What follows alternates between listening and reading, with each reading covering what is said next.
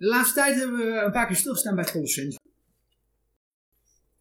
Toen het over barmhartigheid ging, hebben we stilgestaan bij Colossense.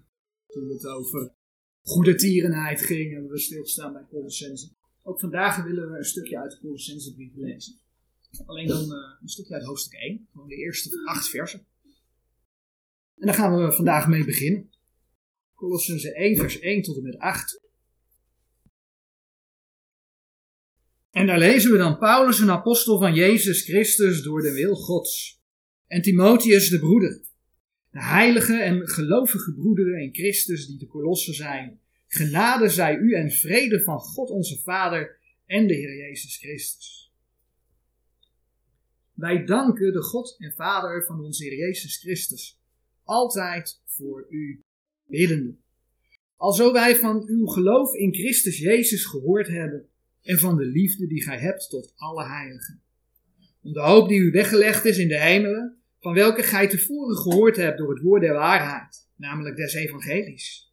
Het welk tot u gekomen is, gelijk ook in de gehele wereld. En het brengt vruchten voort, gelijk ook onder u. Van die dag af dat gij gehoord hebt en de genade Gods in waarheid bekend hebt. Gelijk gij ook geleerd hebt van Epaphras, onze geliefde mededienstknecht, de welke een getrouw dienaar van Christus is voor u, die ons ook verklaard heeft uw liefde in de geest.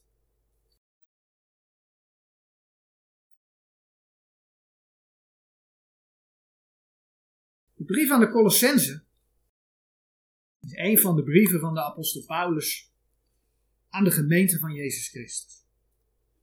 Hij schreef die brief in zijn tijd aan de gemeente ja, die in Colosse was. Een stad in het toenmalige Klein-Azië, wat nu Turkije is. Dat die brief aan de gemeente in Colosse geschreven is, hebben we net gelezen in vers 2. De heilige en gelovige broederen in Christus die te Colosse zijn. Genade zij u en vrede van God onze Vader en de Heer Jezus Christus. Die brief is dus geschreven aan gelovigen in Christus Jezus. In Christus. In Christus ben je als je de Heer Jezus hebt aangenomen als je persoonlijke verlosser. Dus die brief is aan wederom geboren gelovigen gericht. En daarmee is het met recht een brief aan de gemeente van Jezus Christus. Maar als je dan Colossense gaat lezen, dan zie je onder andere dat er in dat boek vijfmaal, en dat is, ja, in deze brief is dat zo, dat kom je in andere brieven niet tegen, dat er in deze brief heel specifiek vijf keer naar Laodicea verwezen wordt. En de gemeente van Laodicea, ik denk dat de meesten die wel kennen uit het Bijbelboek Openbaring, de eerste twee hoofdstukken. En ik heb daar ooit wel eens bij stilgestaan. Het gaat te ver om dat nu helemaal uit te werken. Maar dat, dat die hoofdstukken geschiedenis behandelen in openbaring 2 en 3. Maar dat die hoofdstukken in openbaring 2 en 3 ook profetisch vooruitwijzen naar de toekomst. Vaak in Gods woord. En dat daar eigenlijk de loop van de kerkgeschiedenis in te zien is. En dat Laodicea de laatste brief is, voordat Johannes in openbaring 4 vers 1 in de hemel opgenomen wordt. En daarmee staat Laodicea als laatste gemeente voordat de gemeente opgenomen wordt als type. Het bijzondere is dan ook dat je eigenlijk als je ja, naar de geestelijke gesteldheid van die gemeentes in openbaring 2 en 3 gaat kijken, dat je ziet in het begin dat, dat de geestelijke gesteldheid achteruit gaat, dat het een heel dieptepunt bereikt, dat er daarna een opleving komt en dat het aan het eind onder Laodicea eigenlijk weer helemaal wegkeldert. Sorry voor de woorden, maar zo is het gewoon. En daarin zie je dat het goed begon, maar dat er allerlei elementen waren die daarin kwamen die niet goed waren. Dat lees je allemaal in openbaring 2 terug.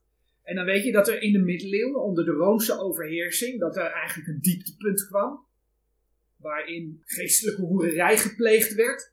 En dan zag je dat na Rome, dan kwam de reformatie, dan ging de boel weer stijgen. Mensen werden geïnteresseerd in Gods woord. Mensen gingen tot bekering komen, dus dat gaat omhoog. Dat lees je terug in Philadelphia. En dan lees je dat in Laodicea, dat, dat de mensen lauw zijn. Dat de mensen Gods woord dus niet meer willen bewaren vanwege de lauwheid. Dat de Heer Jezus buiten de gemeente staat aan de deur klopt. En dat is dus die keldering naar beneden. En dat is, ja, profetisch is gewoon deze eindtijd. Er is dus in de geschiedenis een opleving geweest omdat mensen weer naar Gods woord terug wilden. Maar dat hebben ze weer losgelaten. En er is lauwheid. Dat doet mensen er niet toe. Nou, en juist in de Colossensebrief wordt dus vijf keer naar die Laodicea gemeente verwezen. Je leest het in Colossense 2 vers 1, Colossense 4 vers 13, Colossense 4 vers 15 en Colossense 4 vers 16. Dan kun je dat allemaal terugvinden. En als je dat wil nalezen van Laodicea, dat is dus de laatste brief, vind je aan het eind van openbaring 3, openbaring 3 vers 14 tot en met 22. Nou, met die verwijzing naar Laodicea is de brief aan de Colossense eigenlijk met recht ook een specifieke brief voor de gemeente in de eindtijd. In de laatste dagen van de gemeentetijd. En dat blijkt dan ook uit allerlei waarschuwingen die je in Colossense tegenkomt. Waarschuwingen tegen ja, bepaalde vormen van dwaalleer. Er wordt bijvoorbeeld gewaarschuwd tegen de filosofie. We gaan dat vers zo nog even lezen, Colossense 2 vers 8.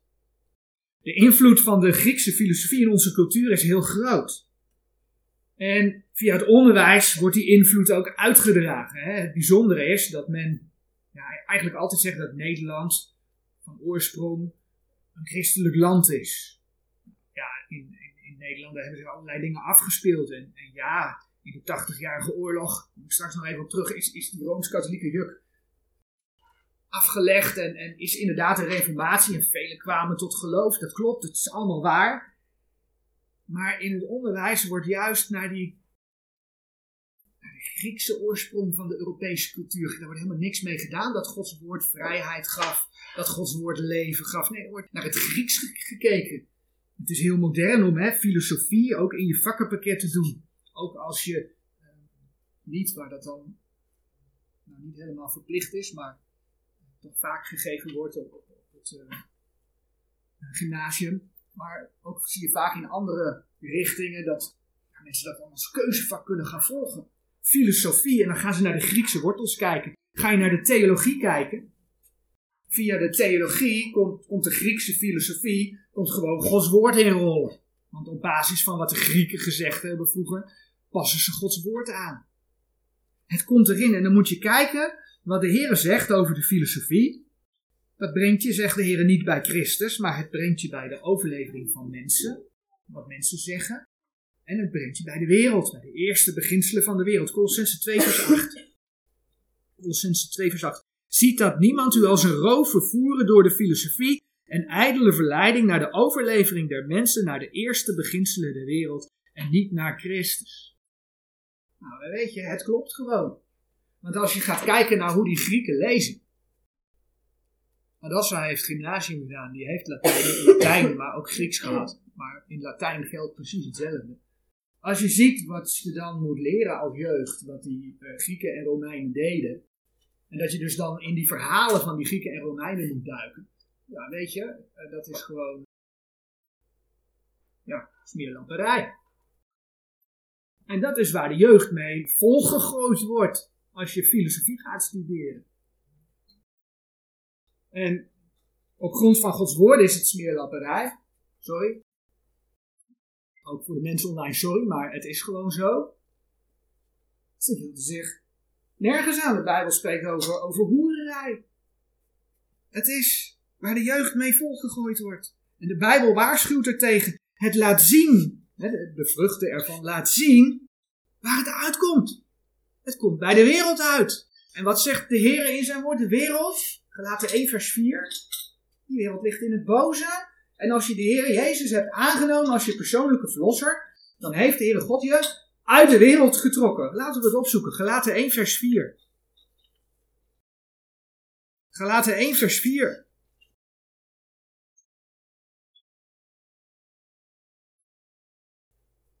die zichzelf, dat gaat over de Heer Jezus Christus, vers 3, die zichzelf gegeven heeft voor onze zonde, opdat hij ons trekken zou uit deze tegenwoordige boze wereld. Dus hier hebben we twee feiten. De wereld ligt in het boze. En door het geloof in de Heer Jezus Christus ben je daar uitgetrokken. Je wederom geboren bent, ben je uit de boze wereld getrokken. Naar de wil van onze God en Vader. Nou, als je daar uitgetrokken bent als kind van God, moet je dat dus door de filosofie niet weer gaan opzoeken. Want de Heer heeft je er juist uitgetrokken. Nou, dat is waar Colossense tegen waarschuwt. Andere dingen waar Colossense tegen waarschuwt, dat vind je bijvoorbeeld in Colossense 2, vers 21 tot en met 23, is allerlei vormen van ascetisme. Nou, ascetisme heeft te maken met het bedrijven van ascese. Wat is ascese? Ascese is dat jij jezelf dingen gaat onthouden om daarmee een bepaalde status van geestelijkheid te bereiken. Dan ben je dus eigenlijk zelf aan het werk om goed gevonden te worden door God. Jij gaat je dingen zelf ontzeggen. En dan laat Colossense zien, weet je, zodra mensen dat gaan doen, want geloof houdt is niet uit te werken, Efeze 2 vers 8 en 9, maar door genade uit geloof. Als jij dus ja, door jezelf allerlei dingen te gaan ontzeggen, door jezelf te pijnigen bijvoorbeeld, tot bloedens toe. Als je dat gaat doen om bij God te komen, dan zegt de Heer dat is tot verzadiging van je eigen vlees. Want eigenlijk ga je zeggen, kijk mij eens goed zijn. Dat heb ik allemaal voor God over. Dus je bent eigenlijk zelf aan het werken. Dat is waar Colossense ook tegen waarschuwt. Nou, dat zijn twee voorbeelden. Gewoon uit de brief aan de Colossense. Die je ook heel erg binnen deze tijd kunt plaatsen. Want kijk naar deze wereld. Je ziet dat er een hele erge hang is. Vanuit diverse christelijke stromingen. En dat moet ook gebeuren. Naar het Rooms-Katholicisme. Daar komt die ascese onder andere. Binnen de christelijke wereld vandaan. Bij de heidenen vandaan. Bij Elia, bij de Karmel, lees je dat de priesters zichzelf verwonden. Tot bloedens toe. Om de aandacht van hun God te trekken. Daar komt het uiteindelijk vandaan. Maar de Rooms-Katholieken hebben dat overgenomen. En je ziet dat verschillende bewegingen weer open daarvoor staan. Dat ze samen willen gaan met Rome. Dus, dit is een boodschap voor deze tijd. Het is een boodschap voor deze tijd. De laatste dagen van de gemeentetijd. Nou, in de versen die we zojuist gelezen hebben, Colossense 1, vers 1 tot en met 8, dan komen we ook de naam Epaphras tegen. Epaphras. En in vers 7, laten we dat vers nog maar even lezen. Gelijk gij ook geleerd hebt van Epaphras, onze geliefde mededienstknecht, welke een getrouw dienaar van Christus is voor u. Epaphras, een getrouw dienaar van Christus voor u. De brief is geschreven aan de Colossensen. En dan zien we dat die Colossensen geleerd hebben van Epaphras. Daaruit lees je dus dat de Epaphras, die heeft hun geleerd. Epaphras was hun voorganger. Dat was degene die in Colosse predikte. Het staat niet in de Bijbel, maar er is een kans dat de Epaphras ook door Paulus tot geloof is gekomen. Ook door een van de andere uh, dienaren, maar Eén ding is zeker. Epaphras is dat evangelie is die gaan uitdragen in zijn eigen omgeving. En zo is er in Colosse een gemeente ontstaan. En dat is wat we in die versen lezen. Voor zover een, klein stukje inleiding. Bij ook ja, inleidende versen. Bijbelboek Colossense. Van de brief aan de Colossense. Verder willen we dan eigenlijk met name stilstaan bij die versen 3 tot en met 8. Wat eigenlijk een dankgebed van de apostel Paulus is. En niet alleen van de apostel Paulus, want in, in vers 1 lees je Paulus, een apostel van Jezus Christus door de wil Gods, en Timotheus de broeder. Dus Timotheus was daar ook bij toen die brief geschreven werd. Een dankgebed van hen. Een dankgebed aan de Heere God maar een dankgebed voor de Colossensen. In, in 1 vers 3 lezen we, wij danken de God en Vader van onze Heer Jezus Christus altijd voor u biddende. Is dat niet mooi wat je daar leest? Altijd voor u bidden. Dat is trouw. Altijd. Dat is trouw. Bid je, ja, daarvan kun je de vraag stellen, bid je altijd voor broeders en zusters? Dat is wat Paulus en Timotheus deden. Bid je, volg je dat voorbeeld? Volg mij na in Christus, hè, zegt Paulus. Bid je altijd voor broeders en zusters. Maak je daar dagelijks een ruimte voor in je stille tijd. Dat bidden, dat kan bestaan uit voorbeden doen. Heel goed om nood bij de Heer te brengen. Bescherming te bidden bijvoorbeeld. Maar op voorbeden te doen vind je vanaf vers 9, die Paulus ook. doet Paulus ook, vanaf vers 9. Maar die eerste versen, vers 3 tot en met 8, dat zijn geen voorbeden, nee, dat, dat zijn dankgebeden. De Heer danken. Dat is heel belangrijk. Dus Paulus begint hier met danken, de Heer danken, en vervolgens gaat hij vanaf vers 9 gaat hij voorbeden doen. De noden bij de Heer bekendmaken. Paulus dankte de Heere God, als je naar die versen kijkt, voor zes zegeningen. En die zes zegeningen die heb ik op deze dia gezet. Zes zegeningen die de Heere God de Colossense gegeven had. In Colossense 1 vers 4 lees je dat zij het geloof in Christus hadden. Nou, we hebben in vers 2 gezien dat de brief geschreven was aan mensen die in Christus zijn. Mensen die wederom geboren zijn. Dus ja, zij hebben het geloof in Jezus Christus. Niet als een religie. Jezus Christus volgen als een goed persoon. Dat is ook heel modern. Nee, Jezus Christus beleiden als uw persoonlijke verlosser. Dan heb je volgens de schrift het geloof in Jezus Christus. Het eenvoudige feit dat je broeders en zusters in Christus hebt, dat is al een dankgebed waard. Dank u Heer dat u broeders en zusters gegeven hebt die u kennen.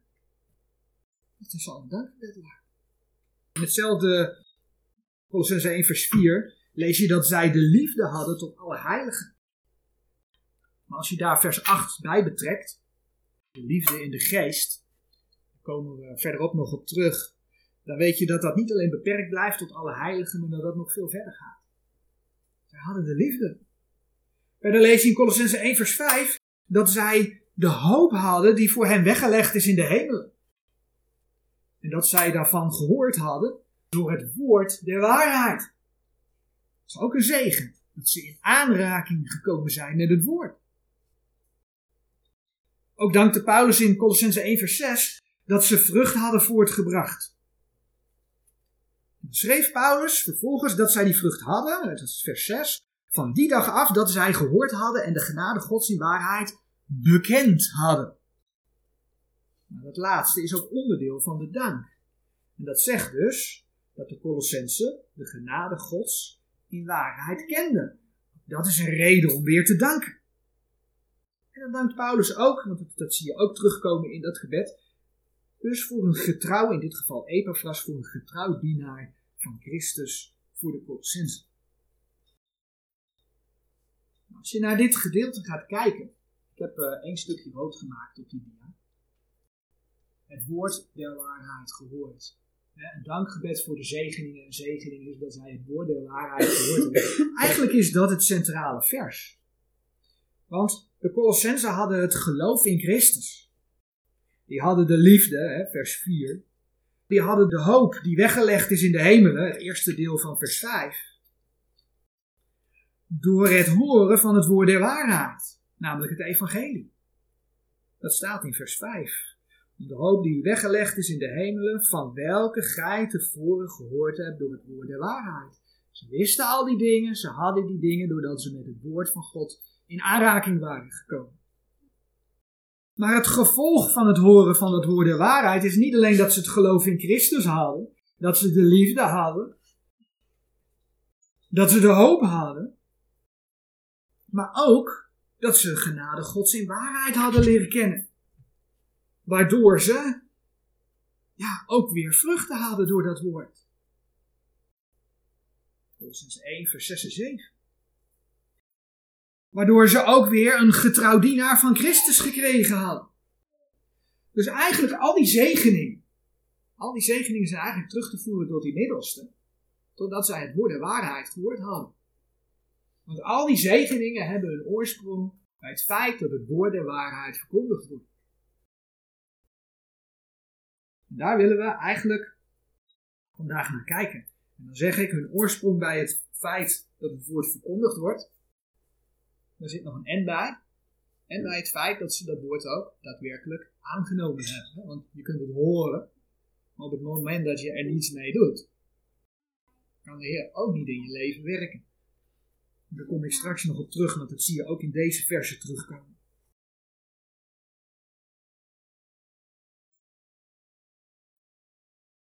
Dus Het woord van God brengt dingen voort indien je het leest, indien je het verkondigd wordt en je daar iets mee gaat doen. En dan bedoel ik met iets doen niet dat je het verwerpt, ja, dat is natuurlijk ook iets ermee doen, maar dat je het aanneemt. Dat is wat de schrift laat zien.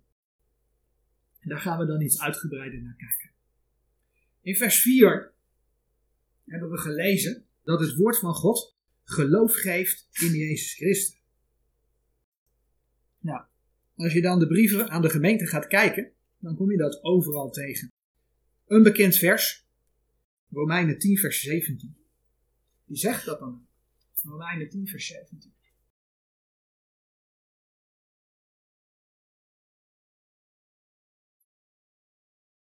Zo is dan het geloof uit het gehoor en het gehoor door het woord Gods. Zo is dan het geloof uit het gehoor en het gehoor door het woord Gods. In de context van dat vers lezen we ook vers 14 van hoofdstuk 10. Hoe zullen zij dan hem aanroepen in welke zij niet geloofd hebben? En hoe zullen zij in hem geloven van welke zij niet gehoord hebben? En hoe zullen zij horen zonder die hun predikt? Daar heb je het belang van de verkondiging van het woord. Hoe kunnen mensen geloven als ze het nooit gehoord hebben? En ze moeten het horen. Je mag weten dat Heer Jezus Christus naar de aarde gekomen is om voor je zonde te sterven. En dat hij na drie dagen en drie nachten in het harde aarde geweest te zijn, hè, zelfs ter helle afgedaald te zijn, dat hij ook weer is opgestaan uit de dood. Maar ja, dat is wel ongeveer 2000 jaar geleden gebeurd. Dus hoe zou je dat weten? Hoe zou je dat weten dat dat gebeurd is en dat God dat gedaan heeft? Er zijn geen ooggetuigen meer van. Nou, juist daarom heeft God zijn woorden gegeven. Daarom bladeren we naar 1 Johannes 5, vers 13. Tekst die ik wel vaker aanhaal, maar in deze context gewoon belangrijk om te zien. Daarvoor heeft God zijn woorden gegeven. Want die woorden getuigen daarvan. Zodat mensen dat kunnen leren kennen. Zodat mensen gered kunnen worden. Wederom geboren kunnen worden. Net als de Colossensen in Christus kunnen zijn. En Johannes 5 vers 13 zegt. Deze dingen heb ik u geschreven. Dat gaat over het woord van God. 1 Johannes 5, vers 13. Deze dingen heb ik u geschreven, die gelooft in de naam van de Zoon Gods, opdat gij weet dat gij het eeuwige leven hebt, en opdat gij gelooft in de naam des Zoons van God. Je mag het dus zeker weten.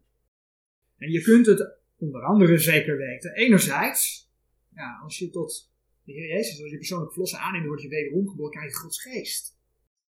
Gods geest gaat het je duidelijk maken. Als je je openstelt ook voor het woord. Dan gaat de Heer je daarin leiden. Anderzijds, doordat de Heere God zijn woorden bewezen heeft. Want zijn woorden komen gewoon uit. Zijn woorden gaan 100% in vervulling. Nou, nog zo'n mooi voorbeeld. Teksten die we ook wel vaker aangehaald hebben. Efeze 1 vers 13 en 14 die laten zien, die volgorde van je hoort het woord. Je neemt het woord aan en dan word je verzegeld door de Heilige Geest. horen, geloven, verzegeld worden. Efeze 1, vers 13 en 14. In welke ook gij zijt, nadat gij het woord der waarheid, namelijk het evangelie uw zaligheid gehoord hebt, in welke gij ook nadat gij geloofd hebt, zijt verzegeld geworden met de Heilige Geest der belofte. Dus de Heer zegt op het moment, op het moment dat jij dat woord hoort, op het moment dat jij daar aan op zegt, dat jij dat gelooft met je hart, dan word je wederom geboren. En dan word je verzegeld met de Heilige Geest. Dus 14, die het onderpand is van onze erfenis tot de verkregen verlossing. Dan heb je de verlossing verkregen. Dat is dus de reden dat die woorden verkondigd moeten worden. Binnen de gemeente, maar zeker ook naar buiten toe buiten de gemeente zijn in principe de ongelovigen. Natuurlijk kunnen mensen meekomen, zodat ze ook het woord horen. Maar in principe gaan mensen veelal niet dat zelf opzoeken. Het vlees staat dat tegen vaak. Daarom moet er ook naar buiten getreden worden. Gods woorden moeten dus verkondigd worden. Dat is de reden waarom we ook regelmatig gaan straatbreken. Zodat mensen het evangelie kunnen horen Ja, want dat is het woord dat hen kan zalig maken. Dat hen kan redden. Maar wat als dat woord van God niet meer gebreekt wordt? Laten we bladeren naar 2 Timotheus 2. Wat als dat woord van God niet meer gepreekt wordt? Ja, of als er wel een boodschap gebracht wordt, maar die boodschap is niet meer het woord van God, omdat het vervalst is. Zoals bijvoorbeeld in deze tijd in heel veel nieuwe vertalingen gebeurt. Ja, dat heeft invloed op de verkondiging. Het is door de loop van de tijd heen heel langzaam gegaan. Maar als je ziet wat nu er in een BGT, Bijbel in gewone taal, geschreven staat, dan is er heel weinig van de woorden van God overgebleven. Er staan zelfs dingen in die haak staan op de woorden van God. En dat bepaalt het geestelijk klimaat van mensen die daaruit lezen. Want die leren de woorden van God niet meer. Dus dat heeft invloed. Dat heeft invloed in de kerken, maar dat heeft ook invloed in de maatschappij. Laten we in 2 Timotheus 2, vers 16 tot en met 18 lezen. Vers 15 gaat nog over, wees met het woord bezig, wees een arbeider, snijd het woord recht. En dan komt vers 16, maar stel u tegen het ongoddelijk ijdel roepen, want zij zullen in meerdere goddeloosheid toenemen. En het woord zal voorteten gelijk de kanker, onder welke is Hymenaeus en Philetus die van de waarheid zijn afgeweken, zeggende dat de opstanding al reden geschied is, en verkeren sommiger geloof. Ja, het gaat hier om mensen die de opstanding logen. Maar als je daarover na gaat denken, er zijn natuurlijk veel meer dingen die je kunt lezen in de Bijbel, die je gewoon kunt logen. En dan zegt de Heer dat als je dus die woorden gaat verdraaien, als je die woorden gaat logenen, dat die woorden die dan verkondigd worden, dat die voorteten gelijk de kanker. Ergens anders vind je in de Bijbel dat beeld dat, dat zonde, daar heb je maar een klein beetje van nodig, dat trekt overal doorheen. Trekt overal doorheen als het om zonde gaat. Nou, dat geldt dus ook hiervoor. Als je dat niet de kop indrukt, als je dat niet de kop indrukt, weet je, dan gaat dat voortwoekeren. Nou, kijken in de maatschappij. De vrijheid die wij in Nederland nog steeds kennen, die op zijn retour is, maar die we nog steeds kennen, die is ontstaan vanuit het feit dat Nederland, niet alleen Nederland hoor, veel meer, maar betrek het even op Nederland, in het verleden onder rooms-katholieke overheersing geweest is. En als jij daar voor je mening uitkwam omdat je Gods woorden gelezen had, daar iets van gehoord had, waardoor je meer wist dan de priester, en als je dan het evangelie ging verkondigen, nou, belandde je, ik noem maar één van de dingen, want er waren heel veel de dingen die ze dan met je uithaalden, maar dan belandde je bijvoorbeeld op de brandstapel. Zo zijn heel veel mensen door vervolging om het leven gekomen, gewoon hier in ons eigen land. Toen kwam de Reformatie. Daarmee werd het, het rooms-katholieke juk afgeschud. Daarmee kwam de Reformatiebijbel, die gezuiverd was van de rooms-katholieke vervalsingen. En weet je wat daarmee ook kwam? Daarmee kwam ook dat de maatschappij ingedeeld werd op basis van vrijheid. Daarmee is bijvoorbeeld de godsdienstvrijheid geboren in Nederland. Maar het punt is dat mensen dat vandaag de dag niet kennen. Mensen kennen die strijd niet die er toen geweest is. Misschien dat ze er heel vaag iets over gehoord hebben. In de geschiedenisles, misschien. Vaag, maar ze hebben het niet meegemaakt. En wat zie je vandaag de dag gebeuren? Mensen hebben ook Gods woord naast zich neergelegd. een groot deel van de mensen heeft dat gewoon letterlijk naast zich neergelegd. Daar willen ze niks meer mee te maken hebben. En een ander deel, dat nog wel iets met de Bijbel te maken wil hebben, heeft dat woord ingeruild voor een van de moderne vervalsingen. Die door Rome voorgestaan wordt. Er is nu een hele discussie gaande in de politiek, daar hebben jullie misschien ook wel iets van meegekregen. Ik volg alleen maar koppen, ik lees niet heel veel. Ik heb het meegekregen, dus hoogstwaarschijnlijk hebben jullie dan misschien wel meegekregen dat de nieuwe politieke partijen die nu met de verkiezingen weer de kop opsteken, die worden voorgezeten door mensen die zich nu willen voordoen alsof ze christen zijn. Maar ze willen dat niet te hard roepen. Want ja, ze willen geen tweede SGP worden of zo, zullen we zeggen. Maar als je dan verder gaat lezen, ik las toevallig dan wel één artikeltje, daar werd met nieuwsgierigheid doorgetrokken. Is de partij van Onzicht. Onzicht eh, heeft een deel van zijn opleiding genoten in Rome. Hij is katholiek. En daar ligt heel bewust aan de basis van zijn programma, daar ligt een Rooms-katholiek programma. Mijn nieuwsgierigheid werd getrokken om eens even uit te zoeken of er dan ook linken met de Jezuïeten zouden zijn. Ik kan ze niet 1, 2, 3 vinden. Het zou mij niet verbazen, gezien de tijd waarin we leven. Ik heb dus niet gezegd dat het zo is. Even voor de duidelijkheid. Maar het zou mij niet verbazen. Dus mensen hebben Gods woord ingeruild, naast zich neergelegd. Ingeruild voor een vervalsing. En juist vandaag de dag hoor je geluiden, ook binnen die politieke partijen. In ieder geval, ik heb het van één partij gehoord, maar we weten hè, dat met name het reformatorisch onderwijs. We zijn geen reformatoren, we zijn het niet in alles met ze eens. Maar je kunt één ding wel van ze zeggen. Ze proberen in ieder geval nog volgens woord te staan in deze tijd.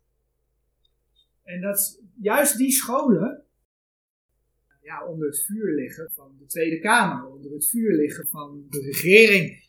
Want ja, zij hebben bepaalde principes. Dat mag in deze tijd niet meer. Nou, een van de weliswaar kleinere partijen, die heeft nu voorgesteld dat de geldkraan voor dat soort scholen vanuit de overheid dicht moet. Want het zou beter zijn als kinderen niet binnen een bepaalde zuil opgroeien, maar dat ze in aanraking komen met andere mensen, met andere geloven, want dat is goed voor hun ontwikkeling.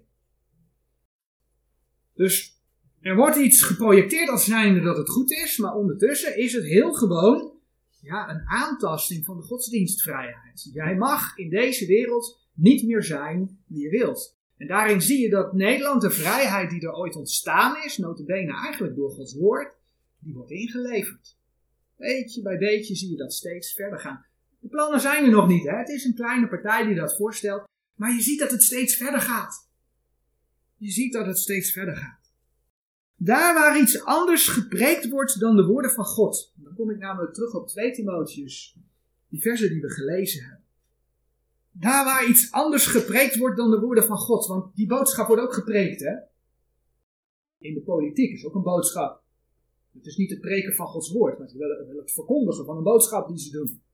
Daar waar iets anders gepreekt wordt dan de woorden van God, of een verdraaiing van de woorden van God, dan zie je dat die boodschap gaat voorteten als, ja, als een kanker. Dat is de vergelijking die Gods woord zegt. Het gaat woekeren. Dat is wat je in deze dagen, tijd van afval van geloof, gewoon voor je ogen ziet gebeuren. Je ziet het gewoon gebeuren. Als kind van God mag je weten dat God zijn woorden bewaard heeft en dat als je je openstelt voor die woorden, dat de Heer God zijn werk in jou gaat doen. Het geeft het geloof in Jezus Christus door de verkondiging van het woord. Wat geeft de verkondiging van de woorden der waarheid, het woord der waarheid nog meer? Het geeft liefde voor broeders en zusters. Colossense 1 vers 4 hebben we dat gelezen. Wanneer je zijn woorden lief hebt, dan ga je ook broeders en zusters lief hebben. Ja, weet je, soms kan dat wel eens lastig zijn. dan kun je eigenlijk gewoon kijken naar een aardse gezin. Ik weet niet een werelds gezin, want dat heeft een bepaalde lading, maar gewoon een fysiek gezin. Als je vrienden kiest, dan is dat vaak op basis van ja, gemeenschappelijke interesses, een gemeenschappelijke hobby. Dan kun je goed met iemand, vrienden, vriendinnen, noem het maar op. Maar ja, je wordt in een gezin geboren. Dus je broers en zussen, die krijg je gewoon. En die interesses, die liggen niet altijd op één lijn. En ja, dan zie je ook wel eens dat daar onder broers en zussen, broers onderling, zussen onderling, noem het maar op, hè, welke mogelijkheden je hebt, dat daar wel eens uh, strijd is. Er is wel eens strijd. Nou, het is gewoon een, een heel alledaags voorbeeld. Weet je, dat geldt in de gemeente ook. Want ja, als je als kind van God geboren wordt, dan word je deel van dat gezin van God, van de familie van God. Je krijgt al die broertjes en zusjes, krijg je gewoon. Die krijg je gewoon, want die hebben ook een leven aan de Heer Jezus gegeven. Soms gaat het goed, soms gaat het ook makkelijk. Als broers en zussen, soms is het fijn dat je elkaar ontmoet. Maar soms merk je dat het ook eens moeilijk gaat. En uh, ja, dat is dan zo. Maar kijk wat gelaten 5 vers 13 en 14 zegt.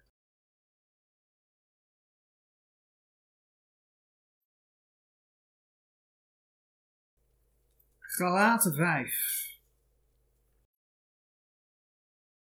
Vers 13 en 14.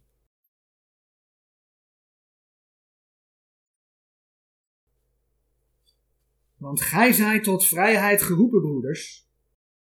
Alleenlijk gebruikt die vrijheid niet tot een oorzaak voor het vlees, maar dient elkander door de liefde.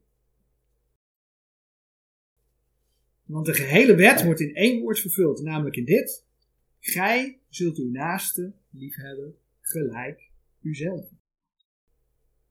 Je ziet in deze versen ook dat het een opdracht is om elkaar te dienen door de liefde.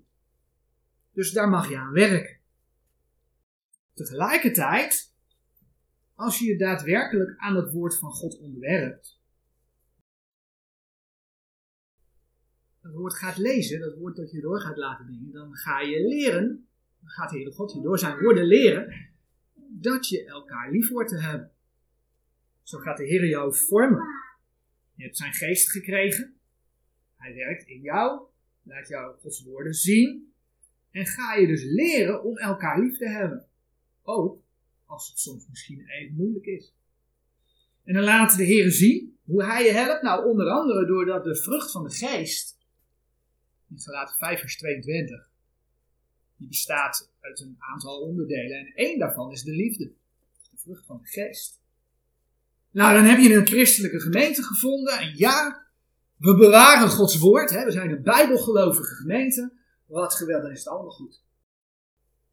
Dat is allemaal goed. Nou, ook in die bijbelgelovige gemeente zitten allemaal mensen. Ja, die uh, zo af en toe last van hun vlees hebben. Daar moet je op alert zijn. Want hier op aarde is het nooit volmaakt. Daarom gaan we naar een voorbeeld kijken, want het is heel goed om gewaarschuwd te zijn.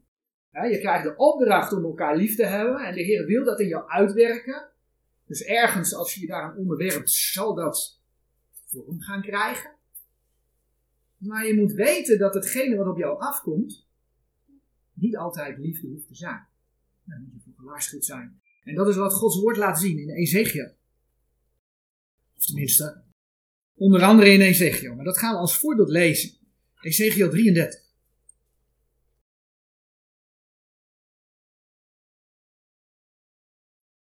Ezekiel 33.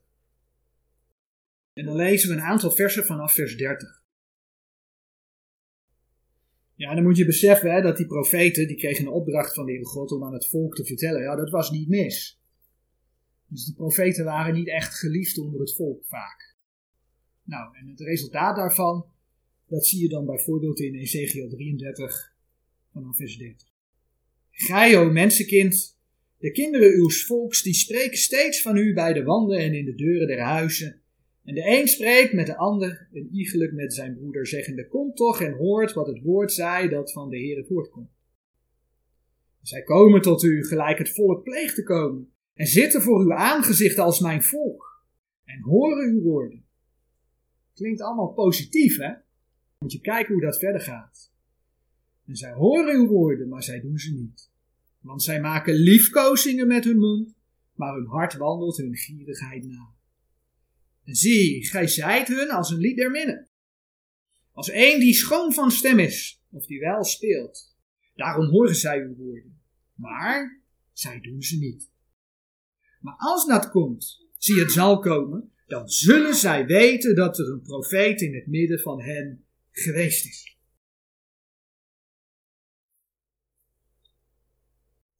Nou, dit is een voorbeeld uit het Oude Testament.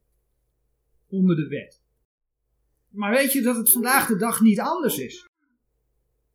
Want niet ieder kind van God wandelt daadwerkelijk, zoals Galaten 5 vers 25 zegt, niet ieder kind van God wandelt daadwerkelijk door de geest. Punt. Het is gewoon een feit. En ja, uit wat je in dit voorbeeld wat we gelezen hebben, dat gebeurt vandaag de dag ook.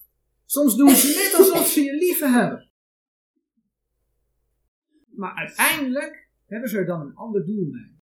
In deze versen wordt gesproken over gierigheid. Dat betekent dus dat ze zelf iets willen hebben. Nou, komt vandaag de dag ook voor. Dan willen ze voor zichzelf iets bereiken. Dan willen ze tijdelijk wel naar je luisteren. Maar echt het woord horen binnen laten komen en er iets mee doen. Nee, dat doen ze niet. En dan blijkt op een gegeven moment dat ze de liefde niet hebben. Dus liefde en liefde. Wees ervoor gewaarschuwd.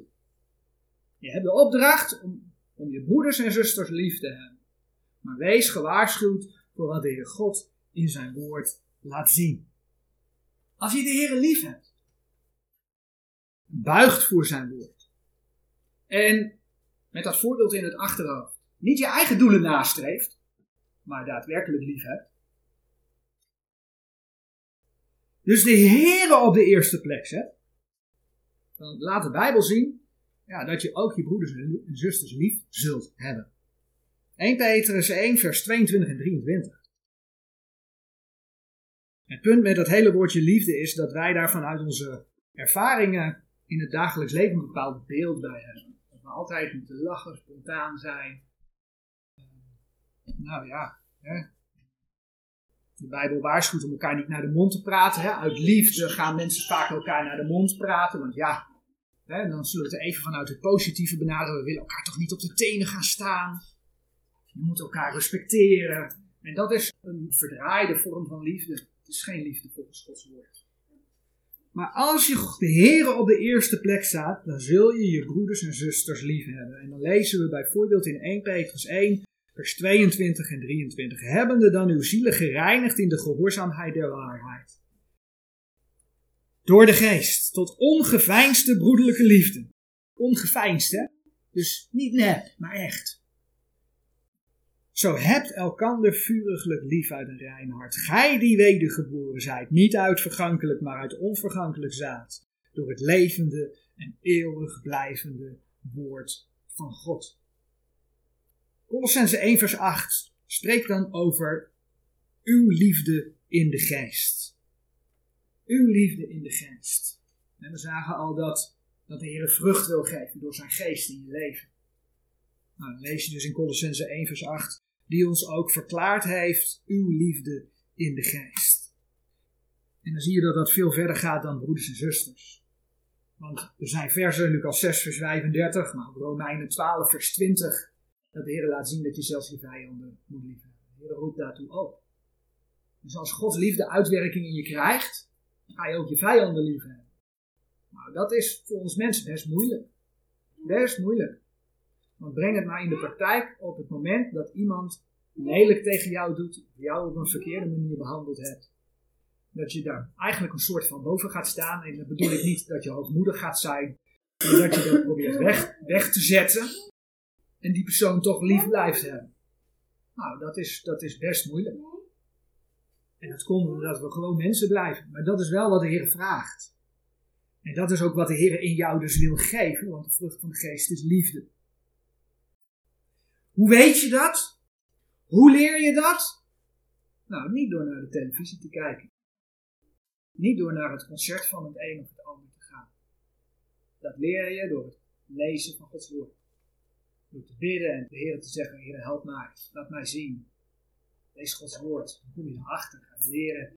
Dan gaat de Heer, als je daar ook voor buigt, als je daarin mee wil gaan, gaat de Heer dat in je uitwerken. Vervolgens spreekt Colossense 1 vers 5. Colossense 1 vers 5 erover dat het woord van God hoop geeft. Een hoop die weggelegd is in de hemel.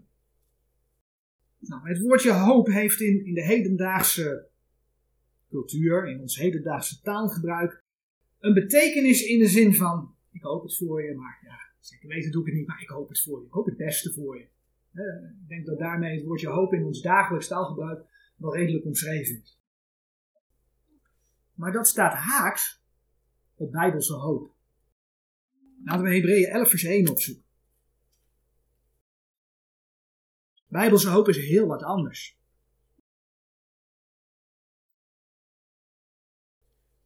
Hebreeën 11 vers 1 zegt het geloof nu is een vaste grond der dingen die men hoopt.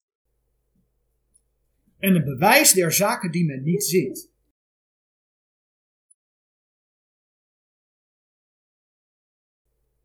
Nog een keer. Het geloof nu is een vaste grond der dingen die men hoopt en een bewijs der zaken die men niet ziet. Hopen heeft dus te maken met een verlangen, met een ergens ernaar uitzien, ergens naar uitzien. En nu zegt de Heer dat het geloof een vaste grond is der dingen die men hoopt. Dus bijbels geloven, gered zijn, hebben we eerder gezien, doe je op basis van Gods woord. En dat woord der waarheid, het profetische woord, zegt 2 Petrus 1 vers 19, dat is zeer vast. Het geloof is een vaste grond der dingen die men hoopt. Het is zeer vast. Het is dus niet een hopen van nou, ik denk dat het en ik hoop voor je dat het gaat gebeuren. Nee, als God spreekt over hoop, dan gaat het gebeuren. Alleen je hebt er een verwachting naar, je mag er naar uitzien. Het is nu nog niet, maar het gaat komen. Dat is bijbelse hoop. Bijbelse hoop, als je dat woordje in de Bijbel tegenkomt, dan staat dat heel vaak in de context van de opstanding. Heer Jezus is opgestaan en Gods kinderen zullen opstaan. Toen Heer Jezus nog op aarde was, toen sprak hij in Johannes 14, vers 2 en 3 over het huis des vaders en dat hij weg zou gaan, dat hij naar de vader zou gaan, om een plaats in de hemel te bereiden voor de zijne. Dus dat betekent dat als je de Jezus kent, dat er plaats voor jou in de hemel is. Maar hij is dat aan het bereiden. Plaats bij God in de hemel. Wanneer het om de opname van de gemeente gaat, dan zoeken we 1 Thessalonicense 5 op. Dan lezen we in, in 1 Thessalonicense 5 vanaf vers 8 het volgende. 1 Thessalonicense 5 vanaf vers 8. 1 Thessalonicense 4, de laatste versen gaan over de opname van de gemeente. En dan wordt er in 1 Thessalonicense 5 gewaarschuwd voor het feit dat de Heer als een dief in de nacht komt. Dat de Heer als een dief in de nacht komt. Maar dat dat niet geldt voor degenen die desdag zijn. Nou, als je een kind van God bent, ben je een kind van het licht. Dan verwacht je de Heer. Kijk, vers, vers 8 zegt dan: Maar wij die des dag zijn, laat ons nuchter zijn, aangedaan hebbende het borstwapen des geloofs en der liefde. Let op, dan staat er: En tot een helm, de hoop der zaligheid. Tot een helm, de hoop der zaligheid. En dan volgt vers 9: Want God heeft ons niet gesteld tot toren, maar tot verkrijging der zaligheid door onze Heer Jezus Christus, die voor ons gestorven is opdat wij, het zij dat wij waken, het zij dat wij slapen, tezamen met hem leven zouden. Dat is een verwijzing naar de opname van de gemeente. Dat de Heer de gemeente niet door de grote verdrukking laat gaan. Dat staat dus in de context van die hoop. De hoop ziet op de toekomst. De Heer gaat zijn gemeente houden. Nou, zo kun je verder gaan. Als kind van God ga je een opstandingslichaam krijgen. Als kind van God zal je wonen in het nieuwe Jeruzalem. En als je de Heer trouw gediend hebt als kind van God, laat de Heer zien dat je loon en kroon zult ontvangen. Het zijn dingen die je nu niet ziet. Je mag het verwachten omdat Gods woord het zegt. Je mag er naar uitzien omdat het vast en zeker is, want wat God zegt doet hij. Dus die hoop is niet aards, die hoop is weggelegd in de hemel. Het is een verwachting die Gods woord geeft, die plaats gaat vinden. Colossense 1 vers 6 laat zien dat Gods woord vrucht voortbrengt. De heer Jezus liet dat al in de gelijkenissen zien. Zo vinden we in Lucas 8 de gelijkenis van de zaaier.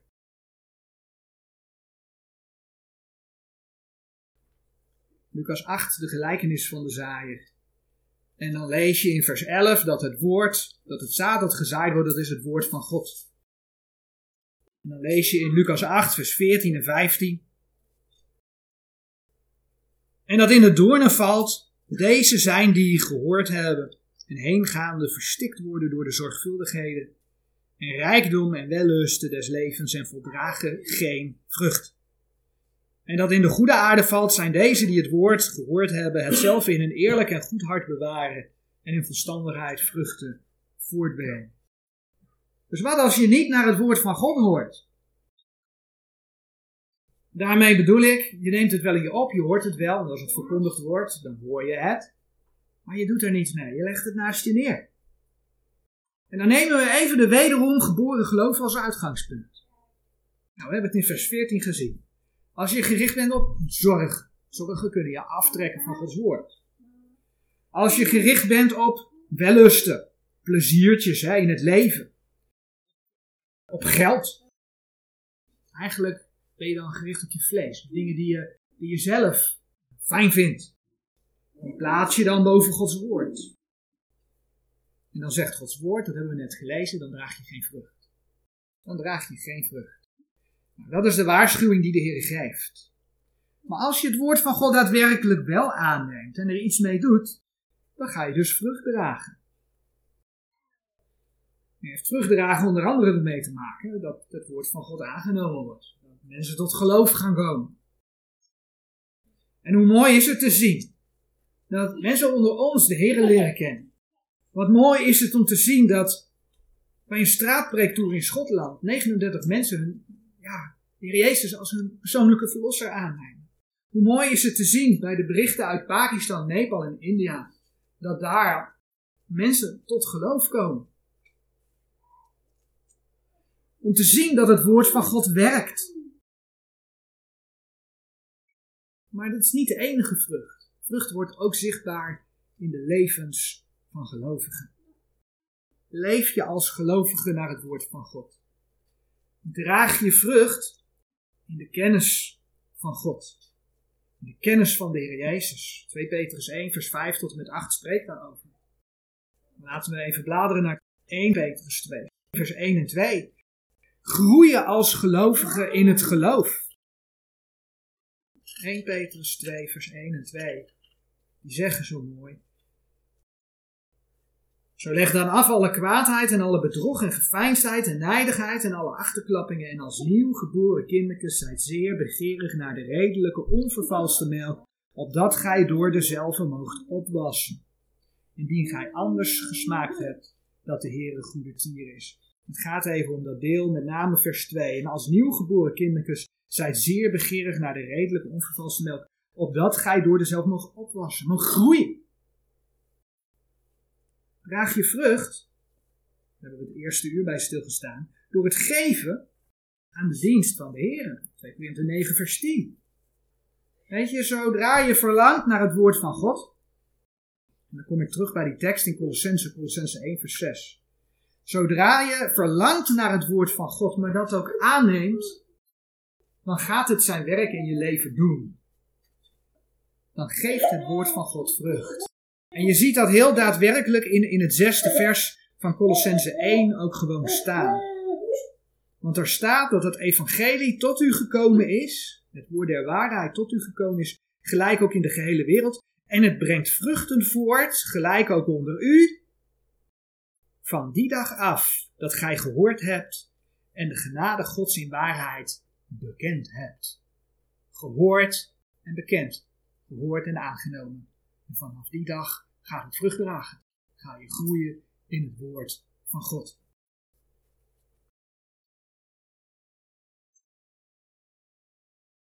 Gods woord geeft kennis in de genade van God. Colossense 1 vers 6.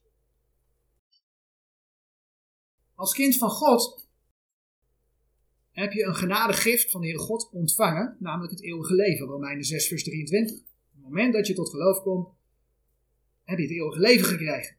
Heb je dus een genadegift van de Heer God gekregen. Maar daar stopt Gods genade niet. Je hebt zijn genade eigenlijk bij alles nodig.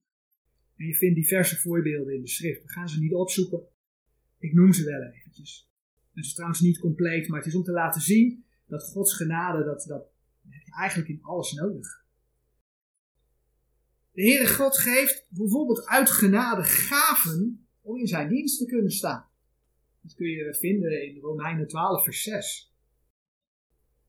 Door Gods genade mag je geven en door Gods genade mogen anderen ontvangen. Het eerste uur bij stilgestaan, maar je vindt het bijvoorbeeld in 2 Korinther 8 vers 1.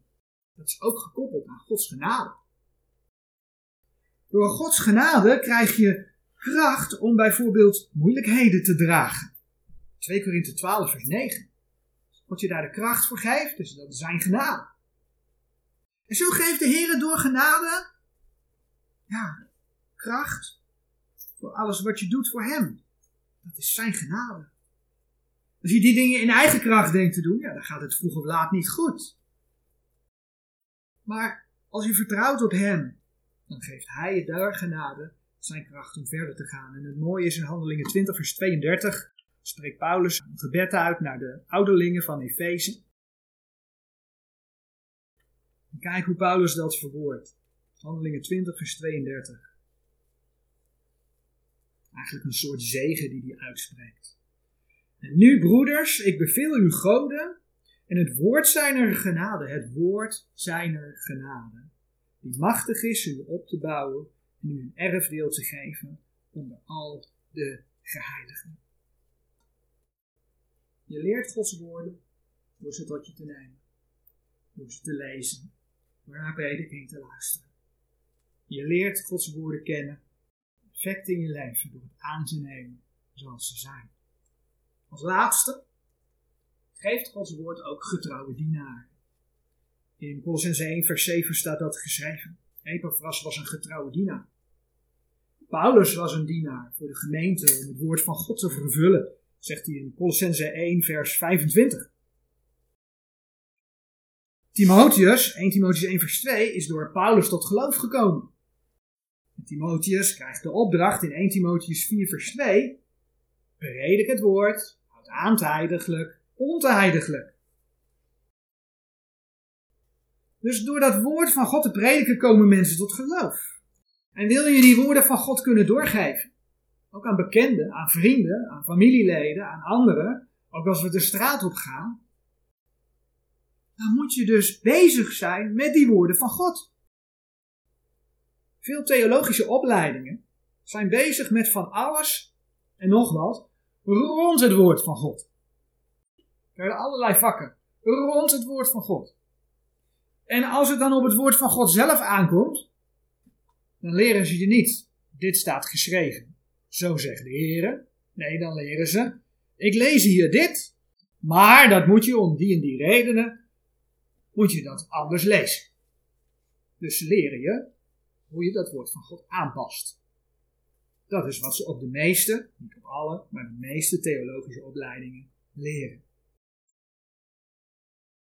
Eigenlijk was dat in de tijd van de Heer Jezus niet anders. Dat gebeurde dat ook al. Bij de apostelen staat geschreven dat in die tijd al dat ze het woord al aan het vervalsen waren. Ze liepen met het woord te koop. Ze veranderden als het ze uitkwam. Maar ik wil het voorbeeld van de Heer Jezus even nemen. De Heer Jezus, en dan bladeren we naar Marcus 7. De Heer Jezus die wees de schriftgeleerden terecht. Omdat zij leringen leerden die geboden zijn der mensen. Dat lees je in Marcus 7, vers 7. Marcus 7, vers 7. En toen zei hij tegen hen in vers 9 het volgende. En hij zeide tot hen, gij doet zeker Gods gebod wel teniet, opdat gij uw inzetting zoudt onderhouden. Zo gaat het. Mensen zijn ergens van overtuigd en dat willen ze brengen en als Gods woord daar niet op aansluit, dan passen ze dat aan. De kerken hebben ooit hun beleidenisgeschriften opgesteld en dat is de grond waarop ze zich beroemen. Het gaat helemaal niet meer om Gods woord, het gaat om de beleidenis die ze doen. Ja, het zou ook om de beleidenis moeten gaan, maar wel om de beleidenis van Gods woord. Niet om de beleidenissen die door mensen opgesteld zijn. Dus de traditie wordt geplaatst boven Gods woord. En het resultaat daarvan was dat de schriftgeleerden, en dan bladeren we naar Matthäus 23, bekeerlingen maakte. Maar de Heer Jezus noemde die bekeerlingen van de schriftgeleerden niet schrikken. Ik denk dat de meesten het wel zullen kennen. Die noemden ze kinderen der hel. Noemde de Heer Jezus kinderen der hel. Kijk maar in Matthäus 23 vers 15.